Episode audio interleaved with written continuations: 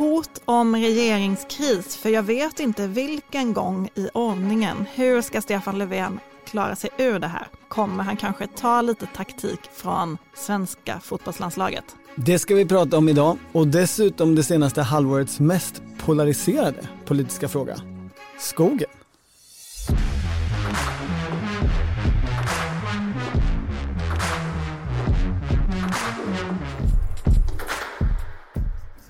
Det här är Politiken med Maggie Strömberg, Annie Reuterskiöld och Torbjörn Nilsson. Jag läste en så rolig artikel i Aftonbladet i veckan. Okej. Okay. Det var partiledarna som hade fått skicka in alla sina, eh, alltså de hade fått göra sitt drömlag inför fotbolls-EM. Med svenska fotbollsspelare då? Landslaget? Nej, de hade fått ta vilka de ville Aha. som är med. Eh, Jimmy Åkesson dock, Sverigedemokraternas partiledare, han valde att bara ta nordiska eh, spelare. Han fick lägst betyg för att Sportbladet har sen betygsatt eh, partiledarnas lag. Och Hur duktiga han fick bara på fotboll ett, typ? Han fick bara ett plus. Nej men är det här ett liksom bra lag eller inte? Okay. Han, han, tog bara då eh, svenskar, danskar och finnar och just att han tog fyra från Finland, nej tre, eh, tre från Finland gjorde att han bara fick ett plus. Eh, men det här säger lite om hur partiledarna tog sig an den här uppgiften. De gjorde liksom den till politik. Eh, han ville prata om det starka Norden. Förstås. Vi kanske ska säga det att det är ju en podd från Svenska Dagbladet det här och Annie som brukar vara med är ledig den här veckan. Så det är bara du och jag Maggie som sitter här och pratar om fotboll. Uh, Ulf Kristersson tog fram ett lag som uh, trivs, uh, det består av en samling spelare som trivs med frihet under ansvar. Per Bolund han, han valde typ bara AIK, han gick helt på känslor.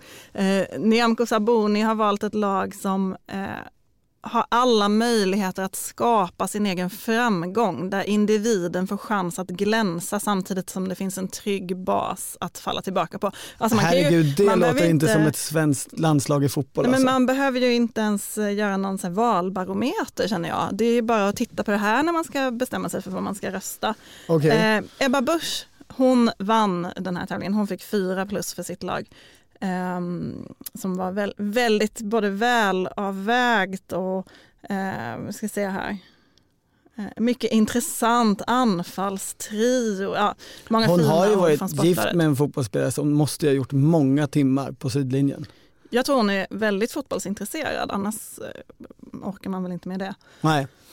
Så jag, tror inte att det liksom, jag skulle inte gissa att hennes man har satt ihop laget, eller så ex-man. Utan... Tyckte du att jag antydde det? Eh, nej, jag vill bara ha det liksom sagt. Okay. Men Annie Lööf, eh, Centerpartiets partiledare, hon gjorde ändå mest av det här laget känner man. Hon skrev väldigt långt. Hon är ju också gammal fotbollsspelare, varit målvakt, mm. pratar hon gärna om. Tror att det är väldigt viktigt för henne faktiskt. Och var där hon liksom formerade, skapade den här bilden av sig själv som någon slags ledare. Ni vet ju att jag är gammal fotbollsspelare och jag har verkligen längtat efter att få ta på mig den här tröjan igen. Var hon även lagkapten? Det, det Sannolikt. jag inte, men äh, självklart var hon det, att man ens frågar. Um, ja, men hon gjorde då ett lag som utgår från mitten. Okej. Okay. Och, och där också då um, en spelare självklart kommer från Värnamo, Viktor Claesson, som är med i hennes lag. Um, och Får jag bara fråga, har hon sen fått kommentera eh, Sveriges premiärmatch mot Spanien? Där mitten lite failade? Där, där mitten var någonstans kring svenska straffområdet konstant hela tiden under Nej, matchen. men jag tänker mig att det borde bli ett tema för framtida eh, partiledarintervjuer för det är ju väldigt intressant. För hon skriver här om yttrar som gärna söker sig in centralt för att erbjuda fler alternativ istället för att enbart utnyttja ytterflankerna. Alltså ibland känner man ju att eh, pol politiker måste också kanske släppa ibland. Eh, det gäller alla här förutom Per Bolund då, som 100% släppte och bara gick på AIK. Men eh, en som faktiskt inte lämnade in var Stefan Löfven. Mm -hmm. Tyvärr, man hade ju gärna velat, velat se det. Jag vet inte, han kanske inte är fotbollsintresserad han tittar mycket på hockey va, men eh, faktum är ju att det fanns så här i EM-tider så är ju eh, kultursidorna i tidningarna fyllda av författare som skriver om fotboll. Mm. Och det fanns ju en exakt beskrivning av Stefan Löfven och hans sätt att bedriva politik i Expressen, Stefan Lindberg som har skrivit. Han beskrev den här matchen mot Spanien och svenskarnas sätt och han skildrar bland annat det här kontroversiella beslutet att byta ut Alexander Isak. Mm. Och det kallar han att det var som potlatch. Jag tror det uttalas så. Alltså urfolkens sed att inför en viktig strid offra till gudar, gudarna genom att slänga allt dyrbart man har i ett träsk. Mm. Och gärna i åsyn av motståndarna så att de ska se så att säga vi bryr oss så lite om er att vi gör oss av med allt vi har eh, och, och nu ska vi gneta oss till ett liv utan eh, de här rikedomarna. Och det är så vi kommer besegra era fåntrattar. Är det januariavtalet? Det är ju en exakt beskrivning, inte bara skulle jag säga av januariavtalet utan av hela Stefan Löfvens eh, partiledarskap och statsministertid. Men Förklara. där januariavtalet är kulmen. För det är ju alla socialdemokratiska troféer och dyrbarheter lätt värda att kasta i träsket och sen gneta sig långsamt fram till någon slags 0-0. Just det, men också det här med kanske att bara eh, sp- spela defensivt, inte ha bollen, bara försvara sig. Ja, men- om, man pratar, alltså, om man pratar Sverige-Spanien då. Ja, Stefan Löfven är ju genuint en politiker som eh, gärna tar en pinne, inte bryr sig om att kunna ta med sig tre. Men hur kommer Annie Lööf in i det där om mitten? Alltså jag, jag, jag får inte helt ihop det här. Eller hon kanske är i ett annat lag. Hon, hon är inte i lag med Stefan Löfven. Just det, det är det hon brukar säga. Jag är inte team Stefan Löfven. Fotboll har Ja. ju hur som helst varit stort i svensk politik. Ja, det har det. Och länge spelades ju match mellan ehm, Regeringen och oppositionen, är det de du tänker på, de här vänskapsmatcherna? Ja, alltså, ehm, ja, som jag inte Eller tror var så vänskap Exakt, jag tror inte de var så vänskapliga. Jag tror att det var otroligt mycket prestige i det där. Ehm, Det var ju alliansen mot de rödgröna. Reinfeldt var alltid med och spelade, men det där har hållit på eh, sedan 70-talet och länge var det Socialdemokraterna mot resten. Men sen krävde då jag tror att det var Vänsterpartiet först som krävde att få vara med i Socialdemokraternas lag för att de samarbetade om Och när var det här i ungefär? riksdagen eller för att de var stödparti. Ja, men, eh, det berättas från folk som var med att 2002 då eh, satte Vänsterpartiet och Miljöpartiet liksom ner foten och krävde att laget måste byggas på regeringsunderlaget. Så att då blev det rödgrönt mot alliansen. Det där är ju spännande, för där visade ju då de här vänskapsmatcherna som väl spelades eh, ute vid Kaknästornet en Mm. gång om året.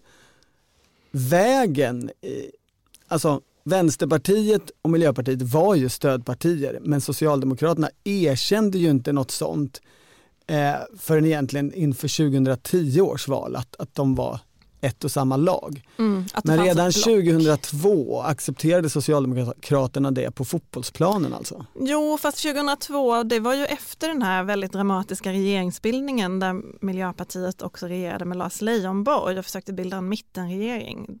Och- det var ju då de gjorde det här, eh, hur många punkter var det nu? 171-punktsprogrammet, 141, 130, 20 än. 121? Ja, 23. gud.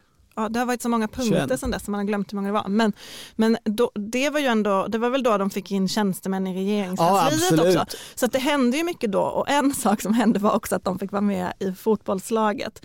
Ehm, Thomas Bodström brukade ju avgöra de där matcherna, gamla justitieministern, eftersom han ju har varit elit, alltså han har ju spelat i all, allsvenskan. Ja det har han. Det Ehm, får man ge honom.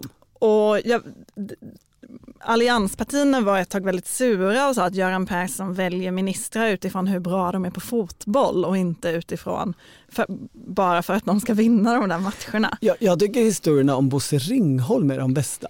För eh, det här har man hört flera olika människor ska jag säga under lång tid. Skildringen av hur fult, vilket råskinn Bosse Ringholm var på fotbollsplanen. Trampade folk, stämplade dem, knuffade dem.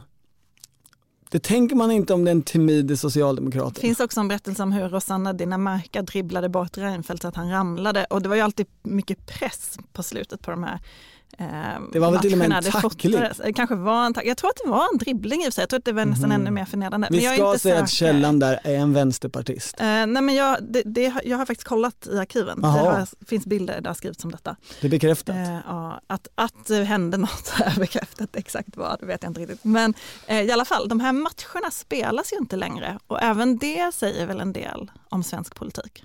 Mm. 2011 efter att Sverigedemokraterna hade kommit in i riksdagen så ville ju ingen ha med Sverigedemokraterna i sitt fotbollslag. Jag tror faktiskt att det var 2012 som det här hände. Som det stora, eh, den stora ja, och striden sen, var. Ja, och då blev ju Sverigedemokraterna sura, så inför 2012 så blev det en stor medial sak det här. Lova Olsson.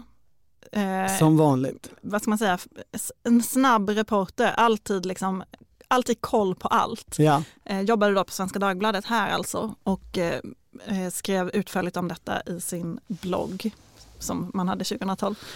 Eh, och det var ju det var stor strid här och bråket var ju då vilket lag SD skulle vara med i. Där vänstersidan hävdade att de röstar ju med Alliansen. De röst, röstar ju med regeringen så därför ska de ha med regeringslaget. Mm. Medan då regeringen sa att de är självklart en del av oppositionen. Mm. Det, det, är ju det här vi har sett sen i partiledardebatter och annat, vem ska stå bredvid vem. Men här var det i fotbollsmatchen. Slutade med att man la ner alltihopa. Traditionen som pågått sen, jag vet inte hur länge, det tidigaste jag hittade var 70-tal, eh, lades då ner. Och det här är egentligen en föraning av att man i princip har slutat med traditionella blocköverskridande överenskommelser i svensk politik. Eller att de i alla fall är på för en tynande tillvaro efter att Sverigedemokraterna kom in i parlamentet. Precis. Eller bara att man, alla bara, nu ger vi upp, nej men det är inte lönt längre, vi lägger ner. En rätt intensiv vecka. En rätt intensiv vecka. En rätt intensiv vecka. Veckan, veckan, veckan, veckan. Ja, igår så kallade ju Nooshi Dadgostar, vänsterpartiledaren, till en dramatisk får man säga presskonferens i riksdagshuset. Ja, och hon ställ, la ju fram ett ultimatum. Vad var det hon krävde? Eh, hon krävde stopp för alla systemskiften, för det pratade hon om jättelänge först och sen kom hon till sin poäng. Det förslag som hon sa, som, som ligger för förändring av hyresmarknaden, antingen ska kastas i papperskorgen, dras tillbaka, eller att Stefan Löfven inom 48 timmar då ska börja förhandla en omförhandling med Hyresgästföreningen som enda eller i alla fall viktigaste part. Och annars? Annars så ska man på något sätt göra verklighet av sitt hot om misstroende. Annars ska man inleda en process, tror jag var exakt vad hon sa. Men i potten här ligger ju ett misstroendehot som kom när Vänsterpartiet släppte igenom Löfvens regering 2019. Ja, annars är inte Vänsterpartiet en del av regeringsunderlaget. Som hon sa, och som de andra då ju inte räknar Vänsterpartiet till, Nej. även om verkligheten väl är att de är det reaktioner på detta då? Detta hot som framfördes av relativt nyblivna partiledaren Nooshi Dadgostar. Eh, hennes problem är ju att hon inte kan väcka misstroende själv för att hennes parti är för litet. Moderaterna och Kristdemokraterna är måttligt intresserade av att hjälpa henne eftersom de faktiskt tycker att de här förändringarna i grunden är bra. Mm. Och de tänker att Nooshi ägnar sig åt politiskt spel för att få Stefan Löfven att backa. Och Sverigedemokraterna tycker att förslaget är uselt. Sverigedemokraterna och Vänsterpartiet tycker ju relativt likt här men det blir jobbigt för Vänsterpartiet eftersom de inte har samröre med Sverigedemokraterna men behöver Sverigedemokraternas röster men inte vill säga att de behöver Sverigedemokraternas röster. Återigen, partiernas verklighet och verklighetens verklighet krockar lite grann. Men... Det bästa svaret, är det det du ska komma till? Nej. Den bästa reaktionen? Är det Morgan Johansson? Ja. Ja, för det som hände sen var ju då att regeringen inte väntade 48 timmar utan väldigt snabbt skickade ut Morgan Johansson som är beredande minister för det här eh, förslaget om fri hyressättning i nyproduktion som det heter, eller marknadshyror som en del säger, vilket dock eh, regeringen absolut säger att det inte är. Och Morgan Johansson, vad ska man säga, han, han framträdde med sin lätt skånska dryghet kanske och sa att eh, det finns ju inte ens ett förslag Förslaget är ju inte lagt. Eh, regeringen har ju slugt nog skjutit det här rätt så mycket på framtiden för att förslaget ska läggas så nära valet som möjligt för att det ska bli onödigt att fälla dem. Han höll ju en lektion för den här nykomlingen Dadgostar hur det funkar i riksdagen och var ju så klapp på huvudet dryg som bara Morgan Johansson kan vara tror jag.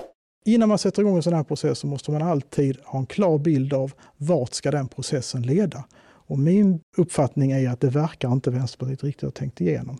Han hotade med kris i coronatider, han hotade med en borgerlig statsminister med stöd av SD. Allt detta kommer Vänsterpartiet nu driva fram och det vill nog inte väljarna se. Och detta gjorde han då redan i den sjätte timmen av de 48. Men jag tänkte så här, den här podden kommer ju ut då innan de 48 timmarna har gått. Mm. Så jag tänkte att för att liksom komma fram till vad det är som kommer hända. Hur kommer Stefan Löfven hantera den här krisen som han ändå befinner sig i, eller det här hotet. Så tänkte jag att vi skulle titta på alla de tidigare hoten Stefan Löfven har haft under sin tid som statsminister. För de är ju väldigt många.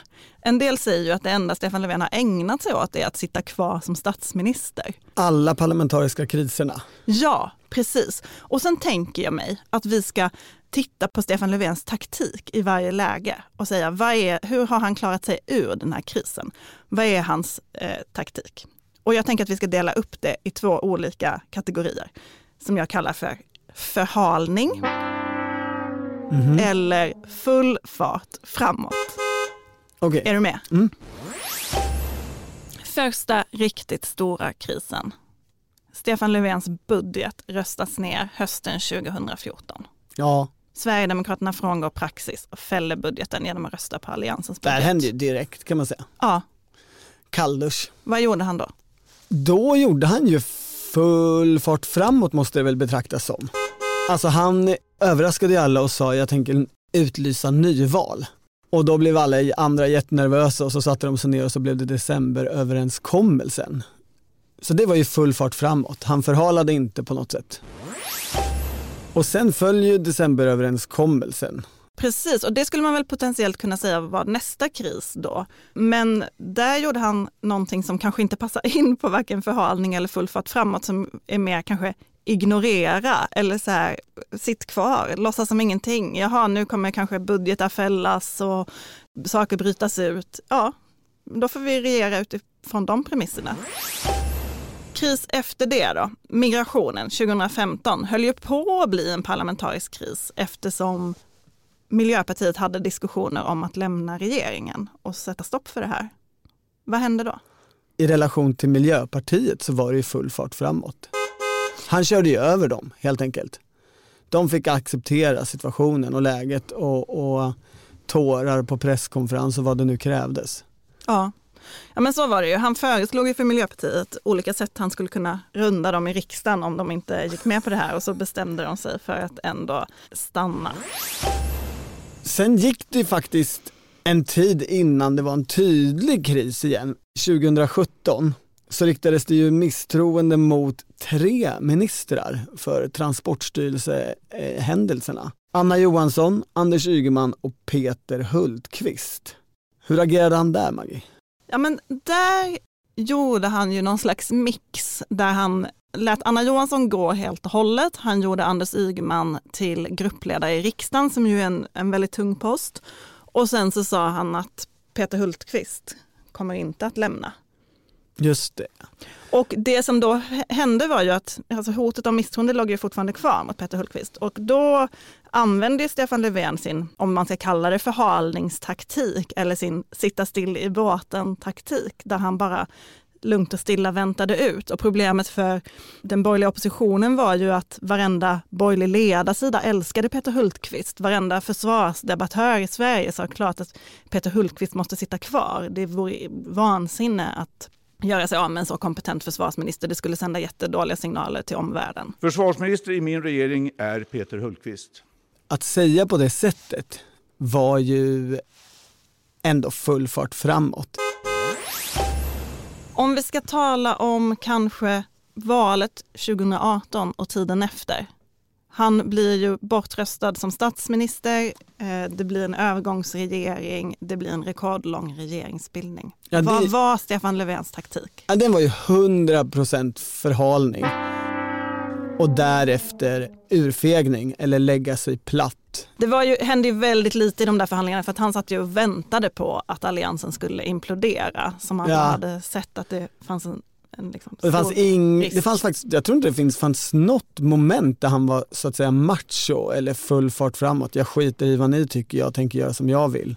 Enda Det gången han var väldigt så i sina uttalanden var ju när Alliansen bjöd in honom till samtal och han var ganska upprörd och sa att jag tänker inte bli något stödparti till de fyra borgerliga. Just det, och sen gick han, gick han hem och väntade. Ja, men huvuddraget är att det slutar efter lång förhalning med att han inte är macho alls utan att han fegar ur och lägger sig för Annie Lööf. Ja, så förhalning på den men också lägga sig platt. Att det blir många kategorier här Nej men det är samma. Eh, Okej, de hänger ihop. Ja det tycker jag. Ja. Moderaterna och Kristdemokraternas budget går igenom Just det. under övergångsregeringstiden. Och då gjorde han ju ungefär som första gången. Han kallade den för en serv- servettskiss och fortsatte regera. Ja, Men gå vidare. det är ju, det är ju en urfegning. Han, han skulle ju kunna utlyst nyval eller något sånt i det läget om man hade gjort full fart framåt. Nåväl. Maj 2019 så kom ett misstroende mot statsrådet Strandhäll för eh, hur hon hade gjort sig av med generaldirektören på Försäkringskassan, Begler. Just det. Det var då Centerpartiet till slut backade. Nej, se- alltså backade nog inte. De väntade väldigt länge med besked och kom sen fram till att de inte skulle fälla henne. Medan Liberalerna röstade emot. Men det hade ju varit väldigt intressant ifall det hade hänt. Ifall hon hade röstats ner av stödpartierna, alltså budgetsamarbetspartierna. Det hade ju varit ett, ett väldigt speciellt läge. Men dit, dit kom man inte. Generellt kan man väl säga att i de här lägena där, det, där Löfven lite väntar ut och det är chicken race så brukar Centerpartiet väl ändå ge upp. Regeringsbildningen, ehm, Ja. Peter Hultqvist var samma sak. Ja, kanske. Stefan Löfven är bättre på chicken race än Annie Lööf men hon kanske får igenom mer politik. Ja, men det där är en förhalningspunkt i alla fall.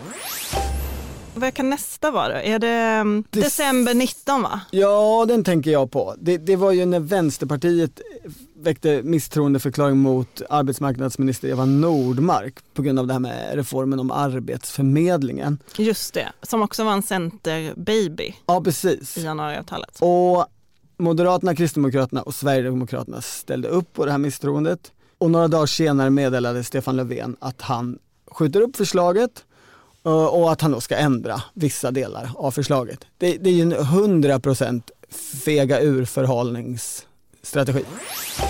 Sen kommer ju den stora frågan om LAS. Just det. Alltså först kommer utredningen om LAS, men det är ju också förhandlingar som kraschar. Ja. Och Vänsterpartiet hotar med att fälla regeringen. Här är det ju många, många turer fram och tillbaka. Men det man kan säga att Stefan Löfven gör är ju att han säger att den här utredningen har inte följt direktiven, den är inte balanserad. Han och Eva Nordmark går ju till attack mot utredningen och utredaren Ja för att lugna Vänsterpartiet. Det ju, har ju mycket likheter med bostadsfrågan nu. Sen väntar de ju ut parterna Ja. och det kanske skedde kontakter däremellan, det vet jag inte, men det slutar med att parterna återupptar sina förhandlingar och kommer överens även om LO inte är med till en början och sen ansluter sig vissa LO-förbund, men fortfarande inte alla. Det är ju som att han tar ett halv fart framåt, precis där i början. Och sen är det ju förhalning, förhalning, förhalning. Mm. Och det spännande är ju att det nya kaxiga Vänsterpartiet som lite har med sig den här arbetsförmedlingsframgången missar sin möjlighet att ställa till stort medialt rabalder. För att det här förhalas och förhalas och förhalas och, och Sjöstedt Det är ju en tappar av- bort sig lite Fast det är där. en avgörande punkt i partiledardebatten i SVT på hösten, där, oktober 2020. Stefan Löfven är ju extremt otydlig. Då kliver de här in och vill ställa till ett politiskt käbbel. Vi har inte ens velat tillsätta den här regeringen. Den dagen Jonas Sjöstedt menar allvar, då faller den här regeringen. Snacka om politiskt spel. Det är ju det spännande med veckans eventuella dramatik från Vänsterpartiet att det här är ju ett arv som Nooshi Dadgostar har att förvalta. Hon har inte så många valmöjligheter egentligen. Det är ju ett arv, men det är ju ett arv hon själv var- var med och skapade eftersom hon satt i partiledningen när den här strategin drogs fram och, och var ju en av de viktigaste personerna då. Jag tror jag sätter i LAS-frågan då en poäng på förhalning och så för ett halvt poäng på full fart framåt då. För att, Ja, eh, mm, ja, jag det kan vara rimligt. Ja, en sak man känner som eh, politisk reporter och pratare i poddar är att man har ju väldigt, väldigt många gånger de senaste åren sagt nu kommer regeringskrisen. Nu är det risk för regeringskris. Och man börjar ju känna sig lite tjatig. Mhm. Men ett annat sånt tillfälle var förra sommaren när migrationskommittén förhandlade och Socialdemokraterna sidoförhandlade med allianspartierna. Miljöpartiet fick inte vara med. Satt i långa krismöten där stora delar av partiet krävde att om Socialdemokraterna rundar Miljöpartiet i riksdagen så måste Miljöpartiet lämna regeringen. Och det var också vad Isabella Lövin gick ut och sa. Ja, men självklart kan vi inte sitta i en regering där olika partier har olika beslut. Det där har jag nästan lyckats förtränga men precis så var det ju. Ja, då var det liksom regeringskris igen, eller risk för regeringskris. Det som hände då var ju att de här förhandlingarna kraschade. Moderaterna säger ju att det beror på Miljöpartiet och deras hot. Ehm, det säger gärna Miljöpartiet också. Det är väl lite oklart om det faktiskt är så, hur långt ifrån varandra partierna stod, hur riskabelt det var för Moderaterna att komma överens med Socialdemokraterna när Sverigedemokraterna inte var med. Eh, Det fanns ju Mm. rätt så mycket i det där. Vad gjorde Löfven då? Alltså grejen är att jag tror inte han gjorde så mycket. Eller det kraschade ju i sig, men sen var det ju såklart så att i regeringskansliet sen så fortsatte ju den här frågan att förhandlas och det var ju många och långa turer där ju Miljöpartiet vann en del saker men det var ju ändå vi ser ju nu nästa vecka ut att få en helt ny migrationslagstiftning som är betydligt mer restriktiv, likt den tillfälliga lagen, väldigt långt ifrån Miljöpartiets grundinställning. Så jag tror kanske ändå att det får vara en typ full fart framåt, även om lika mycket hjälp av Moderaterna där kanske. Men det där leder ju också in på nästa risk för att Stefan Löfven ska falla. Kanske får vi extra val. Nyamko Sabuni säger att hon lämnar januariavtalet om den humanitära skyddsgrunden läggs fram. Minns du vad som hände? Nej. Detta var ju samtidigt som Liberalernas interna process, alltså alla de här mötena med vad de ska göra efter nästa val.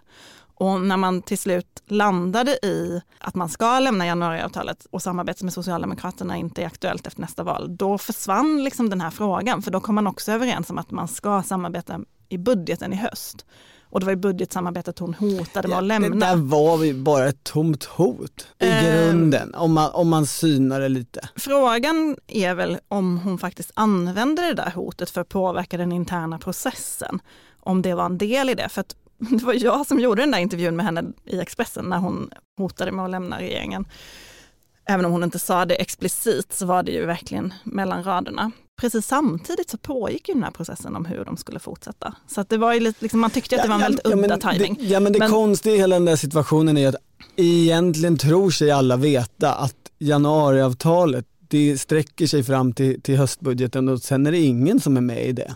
Alltså sista höstbudgeten. Mm. Det där snacket var ju liksom poänglöst för regeringskrisfrågan. Fast vadå, om hon skulle lämnat nu hade det väl inte varit poänglöst innan höstbudgeten? Då hade de ju inte Det fått hade igenom varit svårt budget. med några Eller, ja. voteringar kanske, absolut. Men i alla fall, vi vet ju inte hur, vad Stefan Löfven hade gjort om de faktiskt hade lämnat, men vi vet ju vad han gjorde. Och det var ju som vanligt, väntade ut processen, sa att vi får ta in remissinstanserna, vi kommer arbeta om det här förslaget. Eh, det, vi får, ni får vänta och se vad det blir. En förhållning. Absolut en förhalning. Och då tror jag att vi är framme Eh, till... Och vad, har, vad visar statistiken då? Hur, hur, hur arbetar Stefan Löfven? Ja, alltså det är ju en klar majoritet för förhalning, fega ur om man summerar här. Jag vill ha siffrorna. Ja, men sju, eh, sju pinnar på förhala, fega ur och eh, tre och en halv på full fart framåt. Det var en förvånande många på full fart framåt. Ja, om man har klagomål på bedömningen här så får man höra av sig till någon annan. Jag vill ändå fråga utifrån, okej okay, nu har vi gått igenom alla kris, de stora kriserna som har varit. Det finns ju många fler pluskriser i omvärlden, men det här är ja. det parlamentariska. Vad säger detta om hur Stefan Löfven kommer att agera nu? Kan man utifrån detta se vad som kommer hända innan 48 timmar har gått torsdag klockan 10? Jag tänker att det var halvt full fart framåt med Morgan Johanssons kaxighet. Mm. Och sen är det förhalning. Det här kommer ju inte, det här är inget förslag, det kommer något i höst, det ska förhandlas flera gånger. Kanske inte ens klaras av till hösten, kanske får förhalas lite till. Så Men vad kommer Vänsterpartiet göra då? Ja, för, får jag svara på min egen fråga? Gärna. Nej, men Vänsterpartiets problem är ju den här bilden som finns av dem, vi kom, de kommer aldrig fälla en socialdemokratisk regering. Och då säger de, jo men det gjorde vi någon gång på 90-talet. Och så tittar man och så ser man att ja men det är ju snart 30 år sedan. De måste ju göra det här. De kan ju betta på att de kan göra det. Eller visa att de gör det så mycket de bara kan och eh, räkna med att Moderaterna och Kristdemokraterna inte kommer hänga i och följa i. Egentligen så är spelet så här, det är på olika sätt möjligt att hamna i en situation där det här förslaget faller. Men det är utifrån Ulf Kristerssons ögon i princip omöjligt att hamna i en situation där regeringen Löfven faller och ersätts med en annan regering. Så då hamnar han i situationen att ja, förslaget som jag egentligen tycker om kan falla, regeringen kan falla, men då kommer Stefan Löfven kunna återbilda en regering utan det här förslaget. Men läggs det ett misstroende, det här var ju samma diskussion som vi hade under LAS-frågan då i en annan podd. Läggs det fram ett, ett misstroende så måste ju Moderaterna rösta rött. De kan ju inte rösta gult till Löfven. Hur ska de vara trovärdiga oppositionsparti? Minns du decemberöverenskommelsen? Vad ska Ulf Kristersson göra? Vad ska Johan Forssell göra? Vad ska de göra när det skjuts? De stödjer den här regeringen. Det är helt politiskt omöjligt. Men det intressanta är ju Alltså när Jimmy Åkesson tar initiativ till den här omröstningen om misstroende, vilket han ju kan göra, vilket han ju säkert gör för att mm. syna, eller kanske gör, för att syna Nooshi Dadgostar. Vad gör hon då? Det svåra för Vänsterpartiet är ju att de också ser fram emot en regeringsbildning efter nästa val, där allt de vill är att få inflytande. Mycket större inflytande än vad de har haft den här mandatperioden. Och för att kunna få det så behöver de ju något form av hot. De behöver ju kunna visa att de kan sätta hårt mot hårt. Mm. Och då kommer det ju vara lite svårt att lägga sig platt till Morgan Johanssons klappa på huvudet presskonferens. De behöver bevisa att de är nödvändiga för Stefan Löfven och för framtida regeringsbildning. Politiken är ju en podd från Svenska Dagbladet och om du skulle vilja läsa Svenska Dagbladet, tidningen alltså, och någon av de artiklar som vi och våra kollegor skriver, då kan du som lyssnar på den här podden få prova två månader utan kostnad. Då ingår allt på svd.se och i appen, tidningen i digitalformat och fem familjedelningar. För att göra det så gå in på svd.se politiken. Det är bara käbbel. Det är bara käbbel. Ja, ibland känner man ju att det är bara käbbel i alla de här regeringskrisfrågorna och jag tror att kanske fram, en framtida krisfråga kommer vara skogen. Mm. Som du har skrivit 33 000 tecken om som publiceras ikväll Torbjörn. Just det. Det är otroligt långt. Alltså för de som inte lever sitt liv i teckenlängd så är det liksom det är, för, det är tre, tre gånger så långt som allt som är långt. Mm. Um, du har också twittrat om skogen hela um, våren. Det, mm. det, det, skrivs väldigt mycket om skogen just nu. I Dagens Nyheter har haft långa serier, ledarskribenter bråkar med varandra. Um, Men det är den nya covid-debatten. Mm. Den har liksom precis samma intensitet. Ja, det är otroligt intressant. Alltså först och främst har den 22 forskare, minst, med helt olika åsikter om en och, en och samma sak. Mm. Som mäter saker på olika sätt, hänvisar till olika statistik, inte liksom kan enas om grundpremisser. Anklagar de andra forskare för att sakna talang? Eh, ja, eller vara Eller köpta tjänstemän. eller inte ha någon hjärna. Det Mm. säger de inte rakt ut, men vänta så ska du få se. Men för oss som är uppvuxna i städer, Ja. berätta, vad är konfliktlinjen? Liksom, vad är skärningspunkten? Vad gör det ont? Konfliktlinjen är lite överallt kan man säga. För det är också då en hel bunt nyväckta ledarskribenter som gnager intensivt på liksom nya saker som de kan tugga gamla teser om. Och, och en massa olika intressegrupper som försöker få som de alltid har velat med ett nytt argument. Och det nya argumentet är egentligen inte skogen, utan det nya argumentet är klimatet.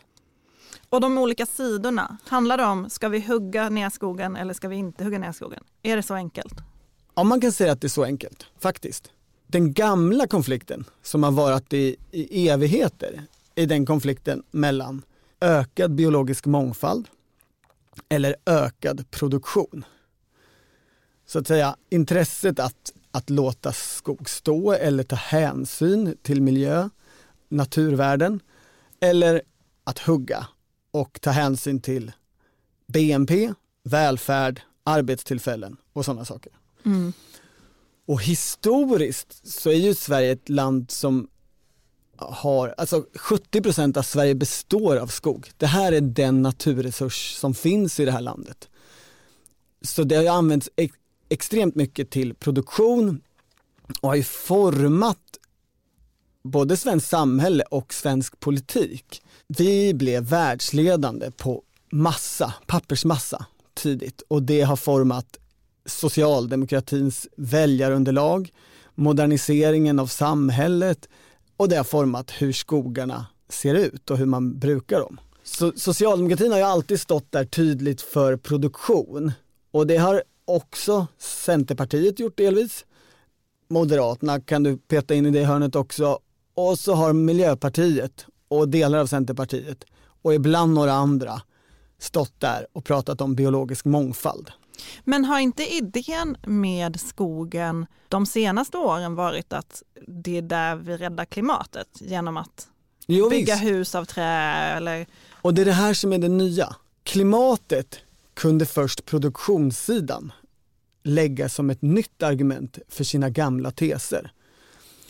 Om vi producerar massa trä, virke och biomassa som vi kan använda till att ersätta fossil energi så kommer vi klara klimatet. Då kanske vi måste producera ännu mer träd, ännu mer buskar, ännu mer saker vi kan elda eller omvandla för att ersätta kartonger med plast och sånt där. Eller hälla i våra bilar som drivmedel. Och det där var ju väldigt framgångsrikt för produktionssidan, hitta det där klimatargumentet.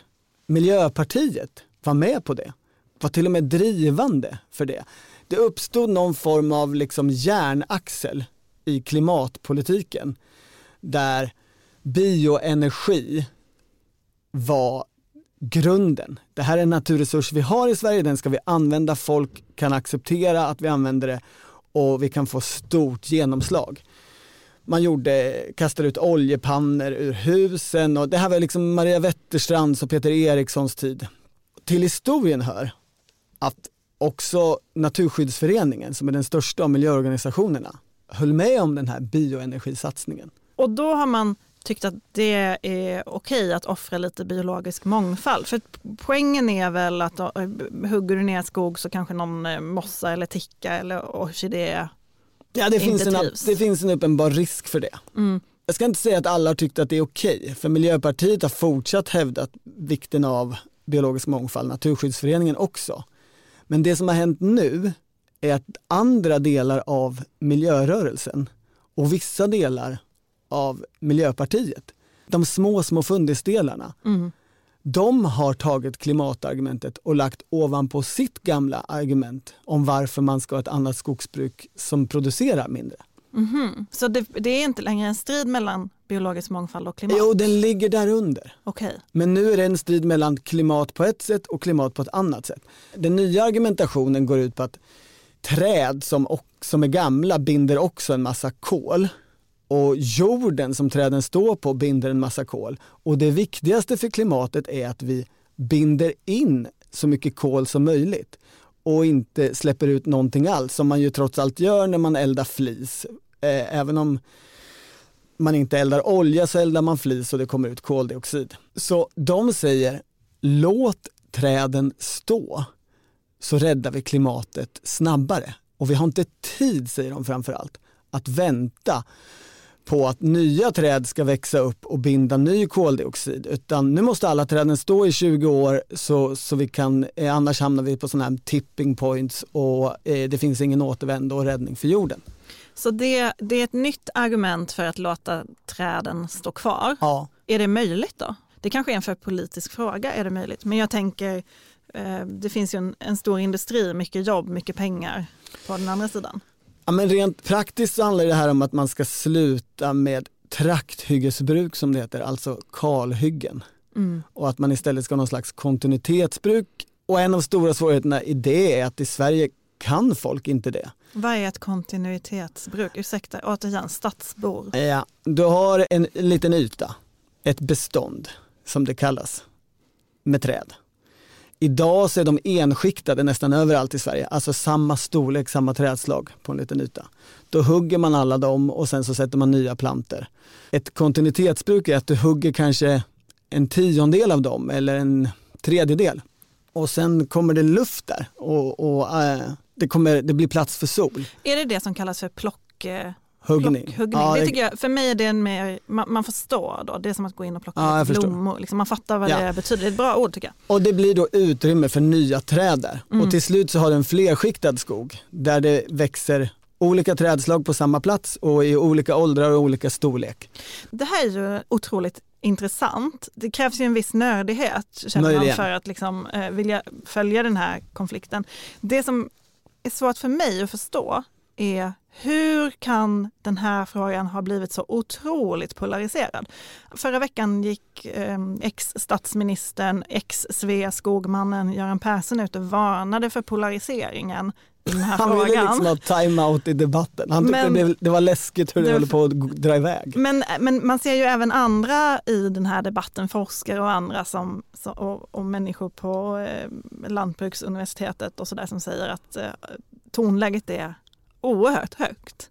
Det här är nya migrationsdebatten. Hur kan det ha blivit så här om skogen? Jo men det beror på dels att folk är mycket övertygade om sina ståndpunkter och argumenterar utifrån helt olika kunskapsbild. Sen beror det också på att det står ju enorma saker på spel. Alltså det, det finns kapital och intressen här. Men inte bara det. Skogspolitik är ju inget vi brukar prata om, men skogspolitik idag är ju klimatpolitik och energipolitik. Bioenergi är den, det största energislaget i Sverige. Vi som land är ganska beroende av den energi vi får från skogen. Och förändrar man bioenergiläget idag så måste man delvis också ha ett nytt svar på hur man ska lösa klimatfrågan. Så det är stora politiska frågor som faktiskt handlar om att koka ner till den här saken, trakthyggesbruk eller inte. Och finns det också, i skogsfrågan finns det också en konflikt mellan då två partier i Stefan Löfvens regeringsunderlag. Det gör det ju. I grunden tycker de, Centerpartiet och Miljöpartiet. just alltså. det, men Centerpartiet och Miljöpartiet tycker egentligen lika om bioenergi. Det är det spännande. Partiledningen i Miljöpartiet är helt övertygad om det kloka i den väg man har valt och är inne på. Men den lilla djupgröna så kallade fundisfalangen som har fört ett tynande liv i många år i Miljöpartiet tycker motsatsen. Och det som har hänt med den här nya argumentationen det är att den har stöd i Bryssel. Om du åker ner till Bryssel och pratar skogspolitik så kommer du få höra från nästan alla, lite oberoende på vilket land de kommer ifrån, tankar och idéer som låter exakt som fundisfalangen i Miljöpartiet. Man ska inte avverka skog, man ska låta den binda kol och stå länge och det ska vara en hög biologisk mångfald och skog är överhuvudtaget inte någonting som människan så att säga kultiverar utan det ska bibehållas som vildmark.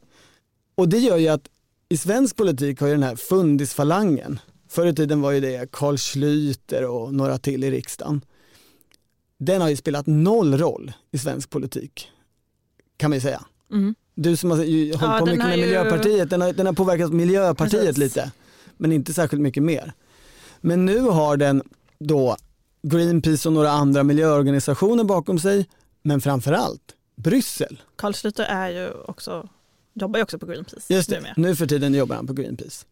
Så när Sverige nu ska ha liksom gemensamma klimatstrategier och klimatarbete på EU-nivå så måste Sverige åka ner till Bryssel och förhandla om vad man ska ha för skogspolitik. Och där nere tycker ju alla som Carl Schlyter eller som fundisarna. Så Stefan Löfven finner sig sitta med en enorm miljöpartistisk fundisfalang som han ska jämka sig med. Och, och det Göran är den Persson stora kraften i den här debatten. Ja, Göran Persson inser också detta. Mm. Att man har en jättekraft som vill någonting helt annat som man måste jämka sig med. Så hur kommer det sluta då? Ska man säga att det slutar som vanligt så slutar det som vanligt med att skogsindustrin säger okej okay, vi skärper oss och så gör de några små saker. Det är vad miljörörelsen brukar säga, att det är så det slutar. Jag är inte säker på att det slutar riktigt så den här gången för det är större saker i liksom rullning. Och det är väl därför Göran Persson vill ha någon slags stor parlamentarisk kommitté som långsamt och länge och under djup andning och eftertänksamhet kan finna en väg ut ur den här synnerligen infekterade frågan där mycket står på spel. Vi sätter ett kryss på förhalning där och på Göran Persson.